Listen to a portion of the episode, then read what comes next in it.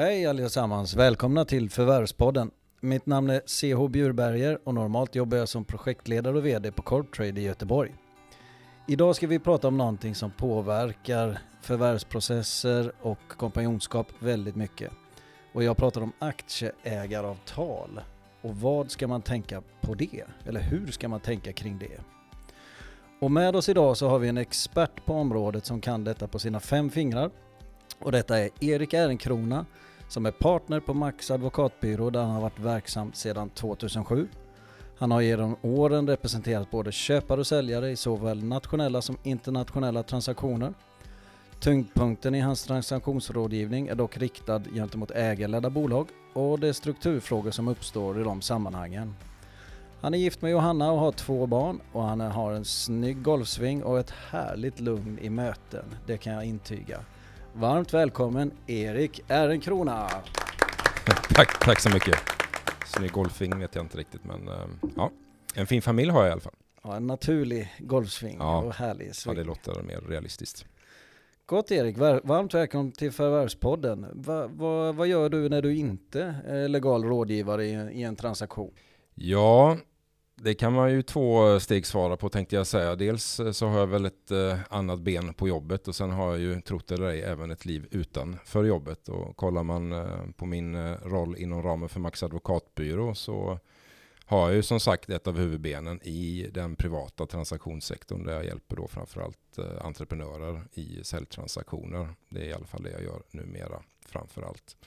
Och sen har jag även då ett ben som består av kapitalmarknadsrätten där jag då framförallt jobbar mot noterade bolag och eh, försöker att hjälpa dem i sin vardag i den noterade miljön. Sen på fritiden eller vid sidan av jobbet som sagt, det är, jag har två barn som inte är jättegamla så att eh, där har vi väl 78,9 procent av min fritid misstänker jag och sen så i övrigt så, eh, nej men det finns, det finns diverse hobbys alltifrån eh, tv-spelande som vi pratar om här, precis jag producenten, till, äh, till golf med den naturliga golfsvingen och sen är jag, vågar nästan utlova att jag är advokat Sveriges mest hockeykortsintresserade person faktiskt. Det, All right. Den bomben kan vi släppa här och nu faktiskt. Jaha, mm. sitter mm. du på x antal eh, hundratals kort hemma eller? Inga kommentarer. Jag förstår. Men Johanna, din fru, hon är medveten om detta? Hon är en tillåtande personlighet. Gott. Tack för det. Du, eh, vi ska ju in på ämnet, det här med aktieägaravtal. Och om man bara börjar liksom grundläggande, varför ska man ha ett aktieägaravtal enligt dig? Ja, det är ju lite sådär eh, som jurist vanligtvis är man lite ordningsperson och man försöker att skapa lite struktur, ordning och reda i de flesta affärsmässiga relationerna. Och vi har ju en situation generellt i Sverige där man driver ett aktiebolag så aktiebolagslagen är rätt tydlig när det kommer till en hel del principer. Men om man vill in på det som kanske är mer affärsskapande och det som är också lite utanför det som är de mer formella ramarna så behöver man väl försöka få en hel del av det på pränt. Eh, och det gör ju enklast då genom ett aktieägaravtal. Så jag tror egentligen att det handlar om att sätta upp spelregler för att försöka skapa mervärden inom ramen för det man pysslar med. Och sen finns det ju även såklart en kontrollerande funktion i det också i olika sammanhang. Och också ett bra sätt kanske att sätta sig ner och fundera på vad är det vi egentligen vill utföra eller få ut av vårt samarbete. Det är ett samarbetsavtal kan man säga. Jag antar att du ofta får frågan, eller någon eh, potentiell klient kommer till dig och säger så här, hej, vi vill ha ett, ett skapat aktieägaravtal. Så, hur börjar vi?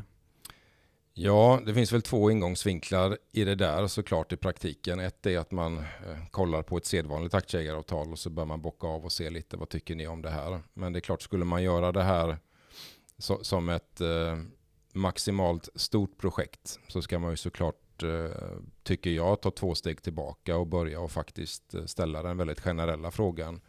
Vad vill ni få ut av ett samarbete? Vad är meningen med er verksamhet och vad är det som på riktigt är viktigt för er? Det är lite liknande som vid en transaktion. Om man inte exakt vet vad man vill så får man väldigt ofta en standardiserad produkt. Så att, eh, jag tror att vill man vara en beställare av en sån här typ av produkt så är det en väldigt bra läxa att göra för sin egen del. Att eh, fundera på vad ska vi ha det till? Och att man inte bara ser det som att något vi måste ha för att det har jag hört att alla mina kompisar har. Om man har, det kanske är en familj eller det kanske är tre stycken som eh, utan släktband som liksom kanske inte helt alltid drar jämnt och det är lite svårt att kommunicera. Vad, vad har du för råd där? Alltså hur kommer man igång då med att diskutera den här frågan överhuvudtaget? Ja men precis, och den som alltid, det kokar ju ner till människor det vi gör och det handlar mycket om förankring. Men där tror jag återigen, man får väl kanske någonstans skapa en grundläggande förståelse för också att det finns kanske vissa uppenbara fördelar med att ha ett avtal. Det, det, kan skapa en situation där man faktiskt inte riskerar att förstöra världen ifall det till exempel låser sig i en situation eller liknande. Och så får man försöka ge en helhetsbild av, okej, okay, så här ser de grundläggande reglerna ut. Det här är de stora fördelarna. Det här är de kanske aspekter som ni bör fundera på. Och jag tror att om man tar ett extra varv, oavsett hur bittra fiender eller inte bittra fiender man är, så, så finns det nyanser av de här typen av avtal som ändå kan vara ganska värdeskapande.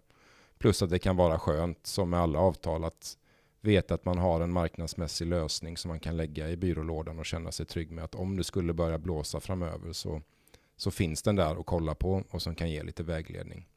Oftast så är det bästa avtalet det som aldrig tas fram. Det vill säga att man fortsätter att skapa värden och eh, man är överens om allt man gör.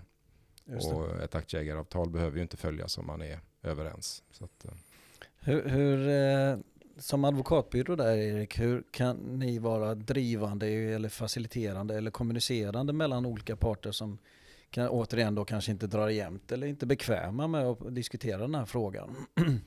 Nej, men det är väl så att generellt sett om det är så att man har ett, ett högt förtroende hos kunden, desto större frihet har ju vi också att kliva in och ta en mer aktiv roll i det här. Det är klart att kommer vi in lite från sidan och eh, man kanske är lite halvlåsta i positionerna och så säger man till oss att ta fram ett avtal, då blir produkten mer eh, kanske ett eh, samvetsdokument mer än något annat. Men kommer vi in tidigt och, och, alla är öppna för att faktiskt prata om de här frågorna så kan vi driva processerna ganska tydligt. Vi kan också enklare skapa mervärden. Det som är väldigt mycket i vår rådgivning, att ju tidigare vi kommer in, desto mer mervärden kan vi skapa proaktivt. Så att eh, egentligen så kokar det väl ner till eh, hur mycket kunder och alla de runt omkring tillåter oss att vara aktiva och vill att vi ska vara aktiva. Det är inte alltid man vill att vi ska driva processerna utan man kanske ska formalisera det som man redan är överens om till exempel. Så att vi får också anpassa oss också för att skapa värden på rätt sätt. Hur ser du på det här att man laddar ner en, en mall för ett aktieägaravtal och utgår ifrån det? Ja, men det, jag tror det kan finnas situationer, som sagt man får läsa av eh, och, och, se vad passar bäst i den här situationen. Och är, är det människor som är någorlunda bekanta med hur ett aktiebolag drivs och, hur det funkar och vilka typer av bestämmelser som brukar finnas med. Då kan man nog gå, ganska snabbt ner på hyfsad detaljnivå och kanske landa i en del standardlydelser som alla känner sig ganska nöjda med. Är det människor som eh, till exempel då entreprenörer som, som kanske inte tycker att det här med aktieägaravtal eller avtal i stort är kanske det som är viktigast och det är det väl inte heller om man ska vara helt ärlig i, i det dagliga. Då handlar det kanske om att ställa mer grundläggande frågor och då kan ju såklart att eh, visa en, en sammanställning över de viktigaste paragraferna eller framhäva då vissa typer av bestämmelser. Det kan vara en idé. Ehm, så det, återigen, det, det beror lite på tyvärr. Men eh, det är klart att i praktiken så är det ju inte sällan som man börjar en process och kanske skickar ut ett exempelavtal för att man ska bli bekant med vad handlar det här om. Jag tänker eh, runt omkring en entreprenör, en företagare så står det ju eh, nära och kära. Ja. Det kan ju vara, det kan ju vara eh, gifta barn eh, och andra relationer som, som eh, påverkas av deras eh, helt enkelt verksamhet i, i, i bolaget. Hur, hur skulle, finns det någon parallell till ett aktieägaravtal och nära och kära, hur de påverkas? Ser du det? Ja, och det är väl egentligen, som, om man kollar på själva aktieägaravtalsbiten så brukar den stora frågan oftast vara, ska de här aktierna som man äger, ska det vara enskild egendom eller inte? Och det är, det är en väldigt enkel fråga att ställa. det är inte alltid en alldeles lätt fråga att eh, reda ut eller försöka hitta en, en passande lösning till. Så att jag tror att det är jätteviktigt, eh, återigen, att man inför eh, en sån här konstruktion ser över vad händer? vid olika typer av eh, händelser och eh, hur påverkas man på riktigt i praktiken. För det är som du säger, vill man ägarplanera och man vill se till kanske att succedera över tid eller om det är så att man vill veta vad som händer ifall det skulle vara så att man kanske då går isär till exempel medan man äger sitt bolag. Vad händer då med aktierna som man äger tillsammans då kanske rent och formellt. Så att, eh, ja, återigen, tillbaka till att ställa rätt frågor och göra tankeverksamheten innan och inte efter. Jag har varit med vid ett tillfälle där det blev eh, diskussion kring innehållet i aktieägaravtalet. Eh, man var helt enkelt lite oense om att det där inte gäller eller fungerar per idag. Eh, avtalet var underskrivet av, av all, samtliga parter så det var ingen fråga kring det. Men eh, den ena parten ville på något vis ogiltig förklara aktieägaravtalet. Eh, och, och, och det, jag ska inte gå in på detaljer just i det fallet, men, men några tankar kring ett, ett sånt scenario? Ja, tanken är att det är rätt svårt att ogiltigförklara bestämmelser i aktieägaravtal. Särskilt, det är en sak när man har konsumentförhållanden för, för den juridikintresserade. Så finns det ju i vissa eh, förhållanden så kan man ju kanske då jämka ett avtal eller förklara en paragraf ogiltig för att det, den är orättvis på mm. olika typer av sätt. Då. Mm.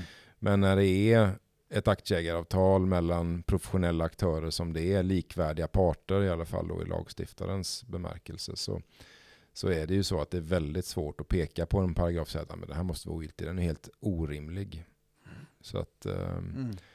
där handlar det om att vara en god eh, kommunikatör och, och försöka liksom att få alla att förstå att vi förmodligen kan skapa värden genom att eh, inte gå på avtalsvägen. För du, du, du, kan ju, och rätta mig om, du, om jag tänker fel här, men du kan väl skriva in i princip vad som helst i ett aktieägaravtal och så länge ni är överens så att säga parterna emellan och skriver under så är det det som är giltigt. Det är korrekt? Ja, ja nej men så är det väl i grunden. Sen är det klart det finns vissa väldigt starka skyddsprinciper som oavsett eh, vad man kommer överens om så är man väl skyddsvärd i vissa perspektiv. Men avtalsfriheten är rätt stark, visst är det så. Så att eh, Kalle och, och Peter som har ett, ett, eh, ett bolag tillsammans, de omsätter 100 miljoner och eh, de har jobbat ihop det här och så skriver de då ett aktieägaravtal helt enkelt de emellan. De sitter och tar, har tagit fram en, en, schematisk mall som de skriver ner och fyller i lite allt eftersom. Deras tycke och, och smak helt enkelt. Eh, och sen då tre år senare så händer det någonting här. Mm. Och innehållet då som personerna har skrivit är egentligen, eh, vad ska jag säga, icke-fungerande. Utifrån en, ett sånt, en sån händelse, vad, vad, vad, gör man då som advokat? Nej, men det är väl eh, lite som vi återigen har varit inne på många gånger att ibland står det ju saker som inte är vettiga att implementera faktiskt. Och det handlar om att skapa i så fall förståelse för att okej, okay, nu är vi i en situation, avtalet säger någonting. Om vi är ärliga mot varandra båda två, eller alla tre, eller alla tio, så, så är det ju så att det här skapar ju inte värde för någon av oss. Låt oss försöka liksom höja blicken lite och försöka hitta en gemensam lösning som skapar värden för samtliga inblandade. Är det, är det innan man går eventuellt till tingsrätt? Ja, definitivt. Absolut. Ja. Det, det, är väldigt sällan, kan man väl tillägga, som de här typen av frågor hamnar i tingsrätt eller i skiljedom då, beroende på vad man har för klausul i aktieägaravtalet. Utan det är oftast bättre för alla parter att försöka enas om en lösning än att börja träta. För att det är så otroligt kapitalförstörande. Det ehm, tar mycket tid, tar mycket energi och det tar också då mycket intäkter från en verksamhet som ska bedrivas under det här. Men, men rent konkret där, om vi bryter ner det här, för det tror jag en del vill veta. Liksom, Okej, okay, nu har en konflikt, eller vi kallar det då en, en tvist, så att säga inte legal, men en tvist mellan ägarna uppstått. Man, är, man, är, man vill inte ens vistas i samma eh, rum helt enkelt. Och man, man tycker den ene är en, en, eh, en, en, liksom en trähatt och så vidare. och så vidare. Rent konkret, vad skulle då Max advokatbyrå göra där? Är det då bjuda in respektive part för en dialog eller vad händer? Det beror ju lite på, men om det är så att om vi har då situationen att vi har inte varit med och skrivit avtalet och en part kommer till oss och säger att ja, här är trähatten. Han eller hon sitter där borta och eh, han eller hon har fel. Då är ju liksom det första, ja, vad är det som egentligen har hänt och hur rätt eller fel har vi?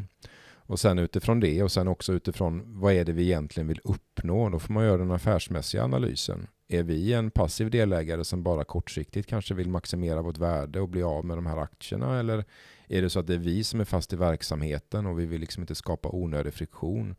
Utifrån det får man ju då liksom försöka och, hitta en lösning. Det kan finnas situationer där det bästa är att vara väldigt fyrkantig och faktiskt driva på från vår sida. Men det generella svaret och det svaret man oftast får från mig då som kanske är inriktad mer på att lösa konflikter eller att eh, försöka att tvista så är det ju såklart att kommunikation eh, börjar där. Sätt er ner, prata. Vad är det som egentligen har hänt? Mm. Hur kan vi ta oss framåt? Finns det ens en framkomlig väg? Finns det inte det, då får man ta en funderare till. Man brukar ju prata om lite vem som sitter på värdena i, i sådana här, eh, tyvärr då, eh, fall. Alltså när det har blivit någon form av konflikt eller på väg att bli en eh, tvist av det hela. Vem som sitter på pengarna så att säga mm. har ofta lite makt i de här situationerna. Ja. Men här då tänker jag högt att här sitter ju då förhoppningsvis alla på, ja, aktieposterna kan ju vara fördelade olika naturligtvis, men alltså man kan ha olika antal, eh, mycket aktier. Men hur ser du på det? Alltså, finns det någon form av maktförhållande eller obalanser kring det som du stöter på i de här situationerna just nu då när vi pratar konflikt?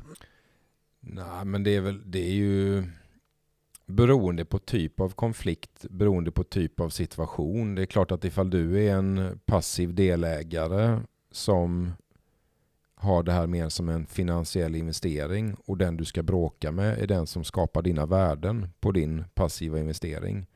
Det är klart att det är ju en ingångsvinkel. Skulle du företräda en majoritetsägare som är den som sliter och det finns en passiv minoritetsägare som går runt och, och försöker förstöra din rörelse, då tror jag man har en annan ingångsvinkel där. Så det är väldigt svårt att ge ett konkret svar på hur, hur man ska hantera den typen av, av frågor oavsett hur det ser ut som du är inne på då vad gäller procentsatser. Utan det är, ja, det, det är tid och energi, det är liksom dina egna motiv. Är det pengar? Är det liksom att få det här att flyta? Um, vart är verksamheten på väg? Vart finns värdena på kort och lång sikt? Så att, uh, ja. Det var ett icke-svar, men det är ett svar.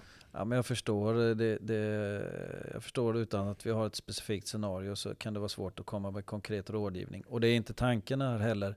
Men du nämner här Erik, eh, du gör lite distinktioner mellan de som är operativa och de som är passiva eh, ja. delägare.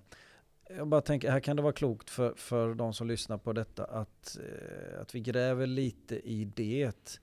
Eh, operativ, det kan ju för enkelhetens skull vara någon som är anställd eller vd eller helt enkelt man är verksam i, det, i driften av bolaget. Mm. Och passiv är ju då naturligtvis att man inte är det, man är bara delägare så att säga. Men om man tittar på utifrån det perspektivet här, vad, vad, finns det för tankegångar där? Har den som är operativ mer eller mindre att eh, vinna eller förlora så att säga i ett aktieägaravtal? Återigen, det beror på lite. Jag tror att är man en passiv delägare, vad är man mest intresserad av? Jo, god avkastning på sin investering. Man vill såklart kanske ha visst typ av inflytande för att kunna säkerställa då att den här investeringen inte helt plötsligt blir en helt annan investering efter ett år eller två eller tre. Så att man kanske vill ha en möjlighet att blockera vissa typer av förflyttningar av verksamheten. Det vill säga att man kanske ja, man, gör, man gör en, en 180 helt enkelt och börjar något helt annat som kanske inte är det som man egentligen hade investerat i från början. Men medan man då som kanske då operativ person är mest mån om att behålla kontrollen över det dagliga. Det vill säga att okej, okay, jag är fine med att jag bara får 55% av vinsten vid årets slut. Men ni ska i alla fall inte komma in på mitt kontor här varje månad och säga hur jag ska bedriva mitt arbete. Och det tror jag kan vara en väldigt känslig fråga för entreprenören. Att man upplever att man får så att säga lite av en överrock och att man upplever att man läggs på då kanske då en, en kontrollfunktion som man upplever är onödig. Och där är det återigen viktigt att, att ha en dialog och synkronisera förväntningar från respektive håll. Det gäller såväl och innan kanske en exit men även då efter en exit om det är så att man säljer sina aktier och får en ny ägare som vill att man ska vara fortsatt operativt ansvarig men som samtidigt kanske äger de allra flesta aktierna och ser det här som en mer finansiell investering. Så att, eh, ja. Något som är väldigt centralt när det finns olika kompanjoner eller om det är en familj som äger tillsammans ett aktiebolag så är det ju just det hur köper man ut den ena eller den andra. Mm. Och det heter ju hembudsklausuler i ett sånt här avtal. Vad kan du berätta lite mer om det? Ja, nej men det finns ju massa typer av inlösenbestämmelser eller hembudsklausuler eller det kan, vara, kan kallas för shootouts och, och annat. Men det, egentligen så kokar det här ner till då vissa typer av situationer där man känner att här måste vi nästan tvinga oss själva att gå isär för att det här inte ska bli total låsning och katastrof. Och det kan ju då dels eh, innebära att man har bestämmelser ifall det är någon som känner att jag vill inte vara kvar här, jag vill sälja till någon annan. Vad händer då till exempel? Är det så att eh, det är fritt fram att sälja till vem som helst? Det kan ju uppfattas som ja, stötande nästan för den som är kvar i verksamheten att det kommer in en helt ny ägare som kanske inte har samma intresse eller som inte alls eh, är med på banan likt den eh, ja, inriktningen som man hade tidigare. Så där kanske man då behöver reglera att ifall det är så att man ska sälja till en ny partner så behöver den ursprungliga partnern kanske då ha en möjlighet att köpa de aktierna först och ha kontroll över den processen.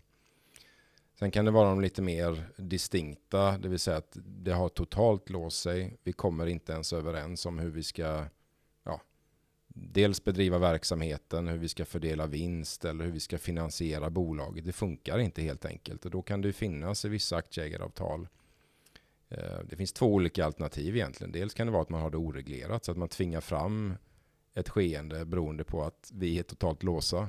Och det entreprenörer vill ju göra affärer och det skapar någonstans ibland då en automatisk utlösen på något sätt. Eller så kan man ha en på förhand bestämd process, det vill säga att om, om saker låser sig totalt och vi känner att det är omständigheter som gör att det här är rent värdeförstörande då kanske vi ska ha ett förfarande där vi får till exempel då lägga ett bud på varandras aktier och den som har det högsta budet får köpa ut den andra eller liknande. Så det är lite svårt och där är ju en väldigt viktig tror jag, aspekt att faktiskt på förhand prata då med de inblandade för att försöka hitta en, en lämplig lösning. Och någonting som jag tror också är viktigt som lite för sällan görs det är att man faktiskt följer upp de här typen av avtal över tid. För det är ju så att det är ju en dynamisk, inte bara ägarkretsen men även personerna bakom. Det, det som skrevs för tio år sedan behöver måhända inte vara aktuellt just nu. Saker händer, verksamheter utvecklas. Så att, eh, det tror jag är viktigt att följa upp och, och göra det arbetet någorlunda kontinuerligt. Så har man någonting i, i byrålådan sedan tio år tillbaka och man knappt vet vad det står, då kan det finnas en anledning att kanske ta en titt på det.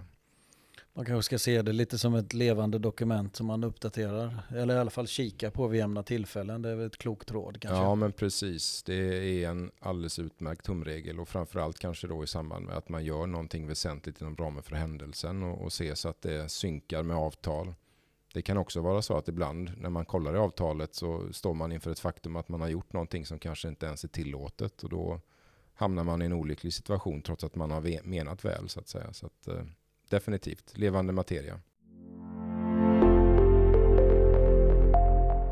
All right. Uh, jag tänkte på det Erik, att min, min erfarenhet är att uh, när vi kommer uh, och ser aktieägaravtal eller kompanjonsavtal så är de inte kompletta. Alltså det saknas ofta då, vi som finansiell rådgivare, kommersiell rådgivare saknar en tydlig värderingsmekanism. Alltså helt enkelt, vad, hur ska eh, bolaget värderas och därmed då eh, aktier kunna säljas. Mm. Vilket skapar ju eh, eh, enorma problem enligt mig. Man ser ofta ordelydelsen här att kommer inte part A och B överens så ska ändå en oberoende värderingspart eller människa träda in och göra någon form av värdering. Och är man inte överens då så ska det gå vidare till ytterligare. Och det där tycker jag då man ska kunna förbekomma och skriva in en klok mekanism som reglerar detta. Eh, dina tankar kring det? Ja, det, det, kan jag ju se situationer där det hade kunnat vara en god idé. Samtidigt så är det ju inte alltid lätt givet det vi har pratat om här, att man bedriver den här verksamheten under en ganska lång tid. Verksamheten kanske har en viss typ av intäkter, en viss typ av lönsamhet från dag ett. Balansräkningen ser ut på ett visst sätt, resultaträkningen på ett sätt. Det där kan skifta över tid, vilket kan göra att kommer man överens om vissa specifika värderingsprinciper dag ett så kan de ju slå väldigt fel, eh, är min erfarenhet, över tid.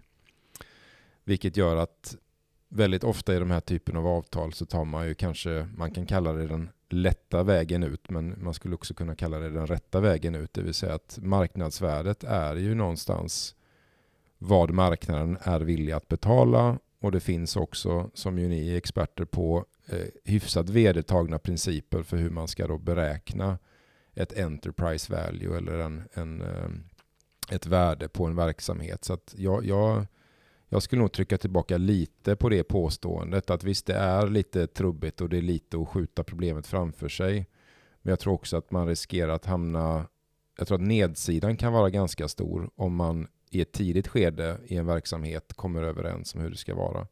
Däremot kan det ju vara till exempel ifall det är någon som bryter mot avtalet.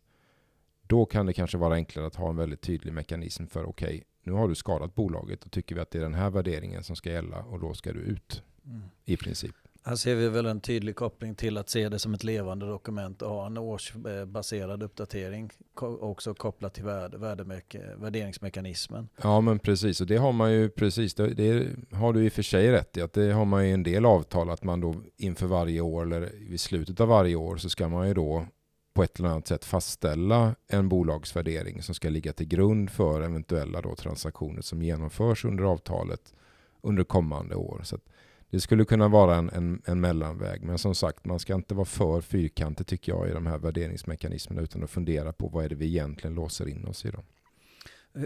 Hur ser du på eventuell rabatt just för befintliga kompanjoner, alltså på aktiepriset?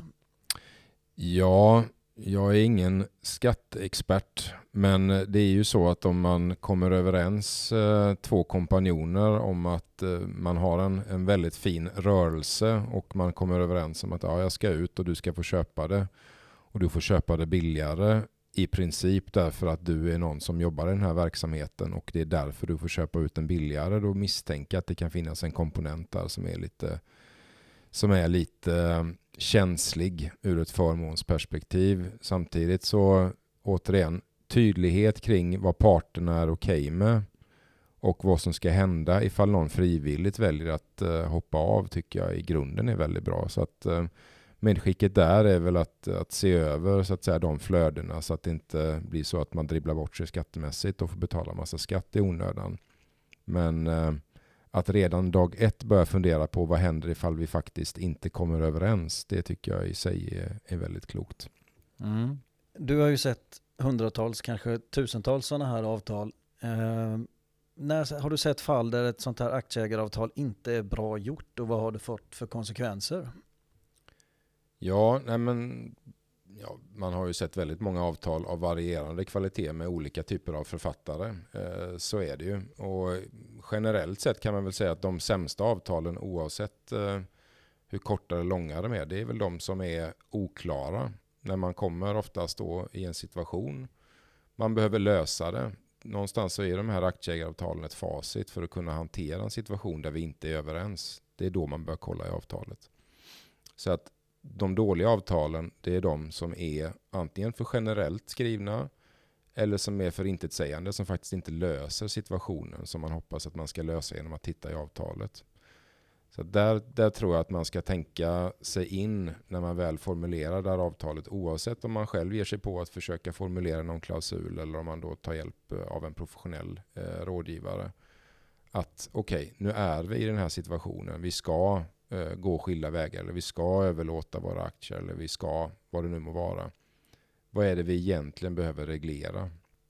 Och där är det ju så att man oftast behöver lite hjälp då, men eh, oklarheten är, den är inte jättebra i de här sammanhangen. Beroende på såklart då vilken sida man står på, vad man vill få ut av det hela och sådär. Men det är, jag tror att ju mer oklart desto ehm, större behov tyvärr har man av eh, advokater i de sammanhangen och det skapar sällan värden Utan då är det bättre att lägga den tiden, den energin innan man skriver avtalet. Ja, men jag förstår. På Förvärvspodden kommer vi prata mycket om köp och sälj av onoterade aktiebolag. Och då dyker vi in lite åt det hållet med Mm. tanke på aktieägaravtal. Kan det påverka en exit? Kan en köpare som köper ett bolag ha krav på framtida kompanjonsavtal och hur ser du på det?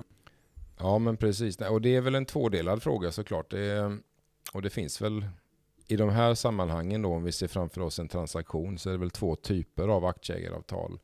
Det första aktieägaravtalet är det som kanske är mellan ägarna och entreprenörerna som man har kommit överens om för ja, oftast kanske ett lite mer bra tag sedan då om hur man ska bedriva verksamheten. Och det kan absolut sätta käppar i hjulet för det fall att entreprenörerna eller ägarna inte är överens om hur ska vi göra i en försäljningsprocess. Det kan ha med succession att göra när man börjar bli gammal. Man känner att man, vill, ja, man behöver ta sig ur det här förhållandet av ett eller annat eh, skäl. Då. Och då ja, kan det ju vara så att oklarheter i avtalet eller att man har meningsskiljaktigheter det gör att det blir svårt att genomföra ett ägarskifte. Det kanske är svårt att finansiera mellan parterna. Så man måste göra en extern försäljning men någon kanske är rädd för att där vi, ja, jag säljer bara på vissa villkor och så blir det låsningar där. Så där, där är en viktig punkt att ha med sig i det. Och sen då när man väl gör själva försäljningen, då är det kanske en annan typ av avtal. Eh, de aktieägaravtalen man ofta ser då, det är kanske då att man, om man säljer till en lite större köpare som gör det här på ett mer strukturerat sätt. Och den här köparen önskar att man som säljare kanske återinvesterar en del av det man får för den här försäljningen. Då är det oftast lite hårdare krav, då är det mer kanske en inlåsningseffekt och väldigt detaljerat eh, skrivet kring hur man ska då kunna fortsätta bygga värden med främsta följden egentligen att man ska trygga sin investering som köpare och se till att man har en lojalitet hos säljaren och att man är då eh, linjerad när det kommer till intressen de kommande åren efter en försäljning. Så att, ja, som sagt, inga så få oklarheter som möjligt. Det gäller gäller ju även de här aktieöverlåtelseavtalen som ni säkerligen också kommer prata eh, under säsongen kring. Och det är just det här med att ja, oklarheter ger upphov till tvister. Och just när det handlar om pengar som det gör i försäljningar så gäller det att vara tydlig i de principerna. Men då en följdfråga då, om man säljer till en större aktör som eh, kommer med ett färdigt aktieägaravtal som är på 60 sidor som är både svårt att tyda och, och kanske eh, skrivet på, på engelska dessutom. Mm. Eh, kan du påverka innehållet på något sätt eller vad är normalt i ett sånt fall? Där skulle jag nog säga att den främsta uppgiften som vi som rådgivare har det är att skapa en förståelse för vad är det det egentligen står här. Det kan ju upplevas nästan som en attack på en entreprenör i samband med en transaktion att man ganska kort inför själva försäljningen får då det här aktieägaravtalet som är köparens standard i, i knät och med en instruktion att det här är bara att skriva under. För så är det oftast. Det finns inte så mycket förhandlingsutrymme utan man är kanske en av flera som, eh, ja, om man köper upp flera bolag, då får man rätta sig i ledet och det är de här villkoren som gäller förutsatt att man ska göra affär med den här köparen. Så att där gäller det att skapa en trygghet. Jag tror att det är väldigt viktigt för en entreprenör generellt sett, inte bara i den löpande verksamheten utan framför allt i en överlåtelseprocess, att man känner sig trygg med att man förstår grundläggande innebörd av de avtal man skriver under. Man behöver inte kunna varje liten detalj. Men man behöver veta att det här är ett marknadsmässigt avtal. Man behöver förstå grunderna och eh, helt enkelt känna sig trygg i det man ska göra framöver. Jag antar att många klienter hos dig kan känna sig lite inlåsta i ett sådant eh, skede just när man får det framför sig. Det är mycket text, mycket eh, termer som man inte är eh, kanske bekant med. Och man känner sig att man nästan får liksom, ja, en, en stark inlåsningskänsla där. Ja. Är det någonting du upplever också? Eller? Ja, men det kan, oftast är det så att det ser värre ut i texten vad det är i praktiken. Det kan ju vara så att det är professionella aktörer som av olika skäl behöver ha den här typen av avtal på plats för att trygga de pengarna som man faktiskt investerar. Så att jag tror att det handlar om att försöka och dels oftast i första, första rummet kanske då lugna nerverna lite och sen breda ut det och, och ge lite Eh, perspektiv helt enkelt för att försöka koka ner till vad är det egentligen som påverkar dig som ägare i det här framöver. Kommer det innebära någonting? Ställer det några extra krav? Eller är det egentligen väldigt mycket text kopplat till egentligen, okej, okay, hur ser våra intressen ut de kommande två, tre, fyra åren som du kanske ska spurta på fortsatt här för att få ännu mer pengar. Så att, ehm, ja, jag tror att man ska, man ska försöka göra det så enkelt som möjligt för sig, även som entreprenör och kanske tipset där är att vara väldigt nära sina rådgivare och eh, i viss mån kanske lita på rådgivarna när man då kanske intygar att det är en marknadsmässig lösning men också vara nyfiken och ställa följdfrågor. Och ta sig tiden att faktiskt försöka sätta sig in i det lite i alla fall. Det, det får man tillbaka i slutändan. Om vi vänder lite på kuttingen och tänker utifrån det scenariot att man är lite i starten av sin företagsresa. Mm. Man mm. eh, har inte så mycket varken omsättning eller, eller pengar på banken så att säga. Man har ingen direkt vana av att prata med advokater heller så att man är liksom lite, ja, men lite så obekväm i den världen. Vad, är det ändå av vikt att skapa ett aktieägaravtal skulle du säga? Eller hur tänker du där? Ja, det är väl till och med så kanske att det för många är ännu viktigare just i uppstartsfasen eftersom i många av de här faserna så sker det ju mycket finansiering. Om man inte är lönsam dag ett så kommer det ju över tid krävas pengar innan man är framme där man vill. Oftast i de situationerna så behöver det puttas in pengar utifrån och då späds man ut som ägare. Och då är det, tror jag, viktigt att från början försöka om man har möjligheten och eh, intresset att sätta sig in i de här finansieringsfrågorna och försöka vara tydlig och ha en strategi för sig själv som företagare. Hur vill jag att de här avtalen ska se ut? Vad kan jag tänka mig att ge efter på generellt? Vad är viktigt för mig? Är det kontrollen över bolaget? Är det ägarandelen? Vilka delar av verksamheten vill jag fortfarande ha full kontroll över och så vidare. Så att, eh, det, det, är nästan ett ännu större behov skulle jag säga när man börjar accelerera. Framförallt då kanske börja utvidga ägarkretsen för det är då kanske en del av de här frågorna ställs på sin spets. Och som alla företagare eh, så ser man ju då en kostnad eh, för att ta fram något eller investera no något. Och då är det klart att för att vara extremt tydlig nu då, vad skapar ett aktieägaravtal för värde som motiverar att ta den kostnaden skulle du säga? Ja, Nej, och där tror jag också att det upplevda värdet någonstans, det beror... Produkterna ser ju oftast ungefärligen likadana ut till syvende och sist, de här aktieägaravtalen. Det finns inte hur många parametrar som helst att trolla med, utan det är ju så att säga det som är värdeskapande skulle jag säga i de här typen av processer. Det är att man till viss del betalar lite för att själv göra läxan kring vad står jag, vad är viktigt för mig, och känna då att man, man hittar och, och dyker ner i en tydlighet och vet på ett tydligare sätt hur ska vi styra det här bolaget? Vad händer under vissa situationer? Så att värdet kanske inte alltid ska räknas i antal ord i ett dokument utan också lite psykologiska effekter, trygghet i vad man egentligen pysslar med ur ett formellt perspektiv. Ja, men det håller jag fullständigt med om. Det är som i vår verksamhet när vi träffar på befintliga aktieägaravtal så är de ofta skrivna eh, i historiken, alltså eh, 3, 4, 12 år eh, tidigare. Och eh, man har liksom inte, vad ska jag säga, innehållet är inte kanske så värdeskapande men diskussionen kring innehållet är värdeskapande. Att man blir lite tvingad till att diskutera vad händer om jag blir sjuk? Vad händer om jag i värsta fall går bort? Och framförallt också diskutera då utifrån vårt perspektiv, vad är dina, våra aktier värda? För helt plötsligt så, det blir mer, för mig blir det mer inte bara en kronor och ören diskussion, utan här kopplas ju ofta då in väldigt mycket känslor, tankar och så vidare. och Så vidare. Så det kan jag verkligen förstå att det fyller en funktion utöver paragraferna som är liksom skrivna i själva avtalet. Jag tror så. att just det här rättviseperspektivet ska man ha med sig. Nå någon som lägger ner svett, blod, tårar i sin verksamhet och sen så står det liksom någonting helt annat i ett avtal. Det är en situation man inte vill hamna i. Utan att försöka och, och, och gå till botten med vad tycker jag är en rättvis väg framåt. Och ha en öppen diskussion med sina övriga delägare kring det.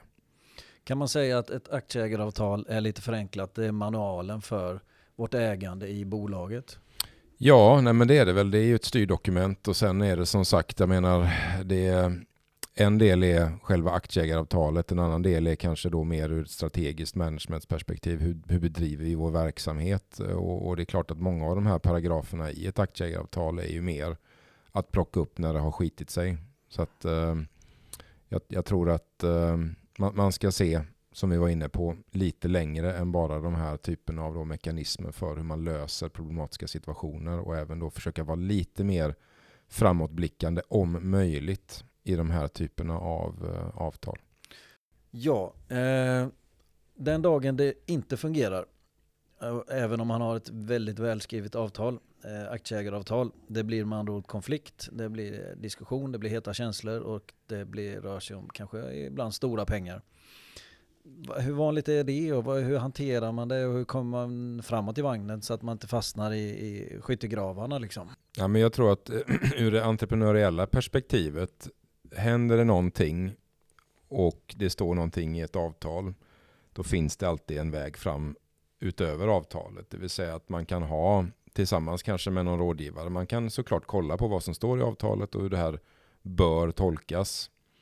Men oftast så är det ju så att de bästa lösningarna är en förnyad diskussion utifrån eh, förutsättningarna i det enskilda fallet och så utifrån det försöka kanske hamra fram en överenskommelse som känns, om vi kallar det rättvis då, för, för båda inblandade.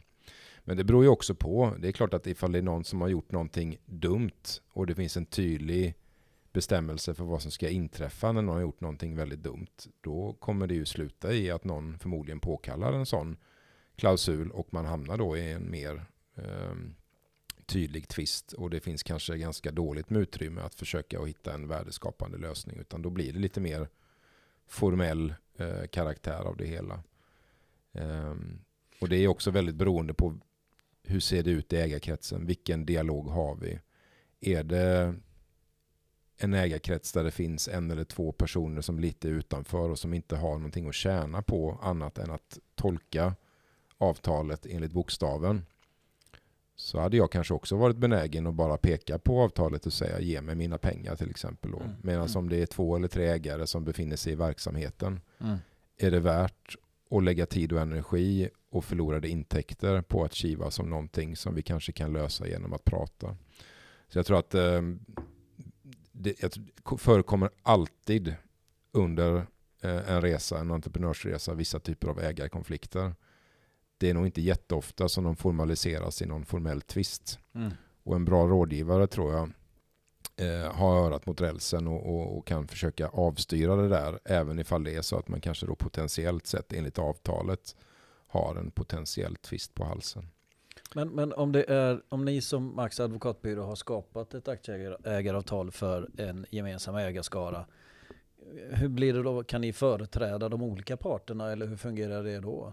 Nej, men då är det ju precis som du är inne på. Om vi kommer in i en situation i en ägarkrets och de ber oss ta fram eh, ett avtal så företräder vi ju alla och ingen kan man väl konstatera. Det vill säga mm. att vi har ju någonstans alla ägarnas bästa för ögonen och med målet då att alla ska förstå vad det är de skriver under och man ska inhämta allas eh, ja, input kring det som blir slutprodukten.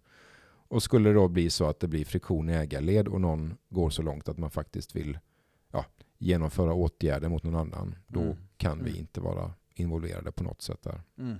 Ja, jag förstår. Uh, en, en sak vi gjorde på Cortrade för uh, något, några, något år sedan, det var att vi gjorde en undersökning kring olika typer av aktörers syn på att släpp, just släppa in en ny kompanjon och vad gör man då? Mm. Alltså tänk dig en del eh, större företag som liksom har eh, en ägarskara allt ifrån lite mindre entreprenörsdrivna bolag som också då ville släppa in en, en kompanjon för att naturligtvis säkerställa då att personen är både lojal och arbetar, arbetar på, eh, enkelt uttryckt. Och då ställde vi fyra snabba frågor eh, till 10-12 sådana aktörer. Och där framkom faktiskt en gemensam nämnare som var väldigt intressant. Det var att om du missar det här med kommunikationen eh, Mm. mellan parterna så, så, blir det inte bra oavsett. Och det konkretiseras i att ett av de bästa tipsen vi fick utifrån den här undersökningen var just att om du ska släppa in en kompanjon på kanske 10 eller 50 procent eller vad det nu är, res iväg med den personen. Kanske i tre, fyra dagar, bara du och, och personen, han eller hon.